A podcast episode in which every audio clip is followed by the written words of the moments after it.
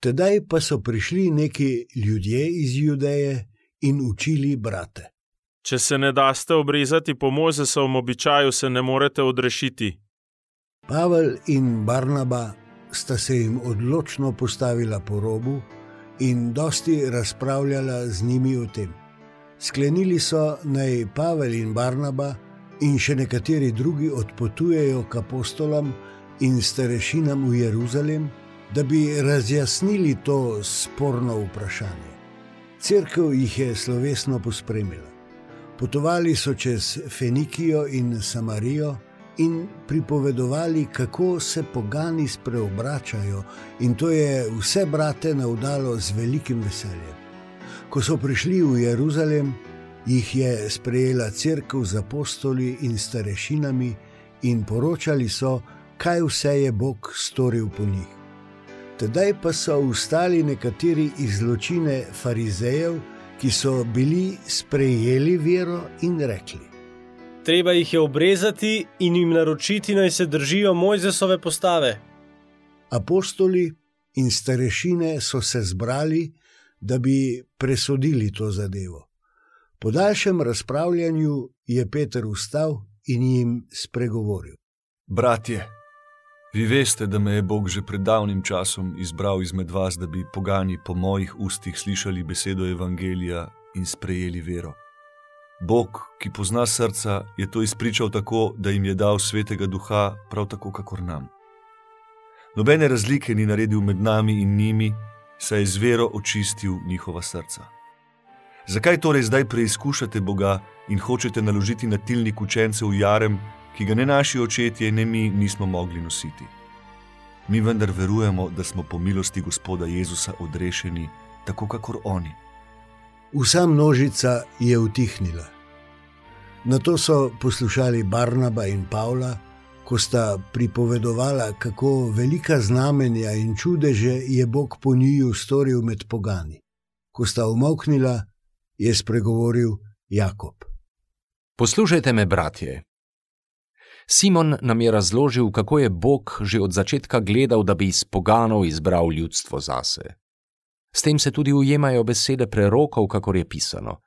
Potem se bom vrnil in spet bom sezidal Davidovo hišo iz razvalin, na ruševinah jo bom spet sezidal in na novo postavil, da bodo iskali Gospoda tudi drugi ljudje in vsa ljudstva, nad katerimi se kliče moje ime, govori Gospod, ki uresničuje, kar mu je znano od vekomaj.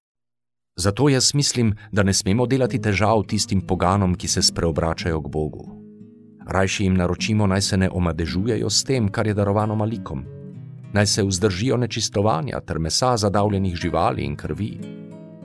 Mojzes ima namreč že od davnih rodov svoje oznanjevalce po vseh mestih, saj ga vsako soboto bero po shodnicah.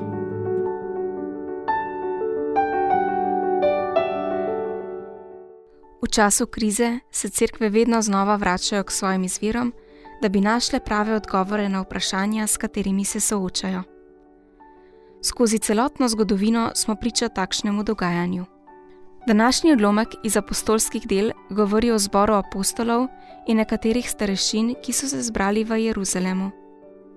Dilema, ki so jo morali razrešiti, je bila zelo pereča. Vendar so bili sposobni poslušati drug drugega, se odpovedati nekaterim svojim prepričanjem in prisluhniti, kaj govori duh cerkva. Ko so namreč pogani začeli množično verovati v Jezusa Kristusa, so se morali kristijani, ki so išli iz judovstva, odpreti za novost, na katero niso bili pripravljeni. Ali ni lepota cerkve v tem, da do pravih odgovorov pridemo skupaj? To nam daje moč, da spoznanja in spremembe unesemo v življenje cerkve. Premisli, na katero pereče vprašanje bi bilo dobro najti odgovor v tvoji skupnosti.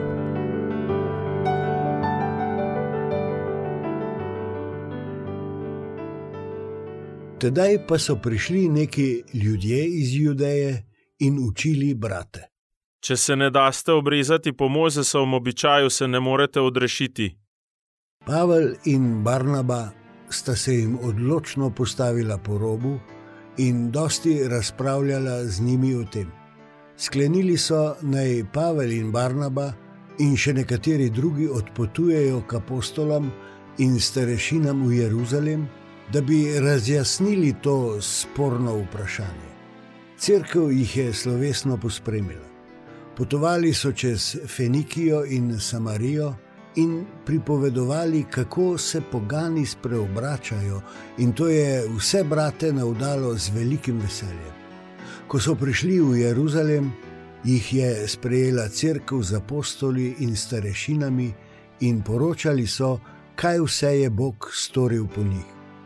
Tedaj pa so ustali nekateri iz zločine farizejev, ki so bili sprejeli vero in rekli: Treba jih je obrezati in jim naročiti, naj se držijo Mojzesove postave. Apostoli in starešine so se zbrali, da bi presodili to zadevo.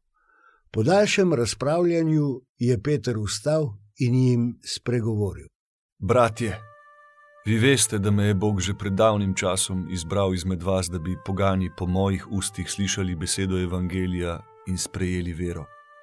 Bog, ki pozna srca, je to izpričal tako, da jim je dal svetega duha, prav tako, kakor nam.